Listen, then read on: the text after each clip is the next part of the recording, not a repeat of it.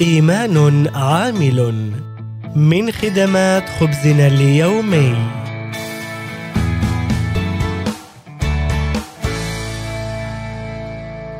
ضرب إعصار أحد الأحياء في مساء أحد أيام شهر يونيو للعام 2021 ودمر حظيرة إحدى العائلات. كانت الخسارة محزنة لأن الحظيرة كانت ملك العائلة منذ أواخر القرن التاسع عشر.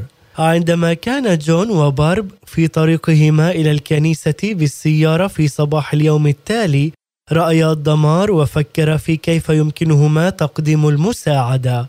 لذلك توقفا وعلما أن الأسرة بحاجة إلى مساعدة في تنظيف المكان الذي خلفه الدمار. فاستدارا بسيارتهما بسرعة وعادا إلى بيتهما لتغيير ملابسهما وعادا للمساعدة طوال اليوم في تنظيف الفوضى التي أحدثتها العاصفة. لقد جعل إيمانهما عاملا عندما قاما بخدمة الأسرة. قال يعقوب الإيمان بدون أعمال ميت وكتب أيضا عن مثال إبراهيم الذي أطاع وتبع الله وهو لا يعلم إلى أين سيذهب.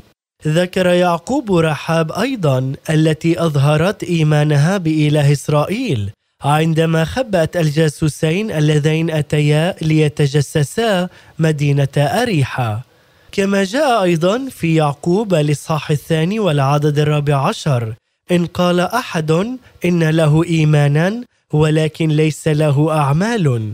وعلى هذه الآية يعلق متى هنري قائلا الإيمان هو الجذر والأعمال الصالحة هي الثمر. وعلينا التأكد من أن لدينا كليهما أي الجذر والثمر.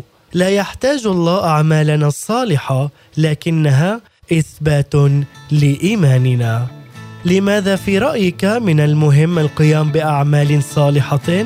وما الذي يمكنك القيام به بدافع حبك لله؟ خبزنا اليوم هو تأمل نستوحيه من رسالة يعقوب. الأصحاح الثاني ومن الآية الرابعة عشر وحتى الآية السادسة والعشرين.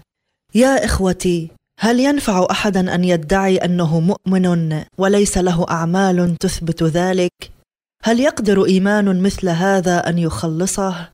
لنفرض أن اخا أو اختا كانا بحاجة شديدة إلى الثياب والطعام اليومي وقال لهما أحدكم أتمنى لكما كل خير. البسا ثيابا دافئة وكلا طعاما جيدا. دون أن يقدم لهما ما يحتاجان إليه من ثياب وطعام فأي نفع في ذلك؟ هكذا نرى أن الإيمان وحده ميت ما لم تنتج عنه أعمال. وربما قال أحدكم أنت لك إيمان وأنا لي أعمال. أرني كيف يكون إيمانك من غير أعمال؟ وأنا أريك كيف يكون إيماني بأعمالي. أنت تؤمن أن الله واحد. حسنا تفعل. والشياطين أيضا تؤمن بهذه الحقيقة ولكنها ترتعد خوفا. وهذا يؤكد لك أيها الإنسان الغبي أن الإيمان الذي لا تنتج عنه أعمال هو ميت. لنأخذ أبانا إبراهيم مثلا. كيف تبرر؟ أليس بأعماله؟ إذ أصعد ابنه إسحاق على المذبح.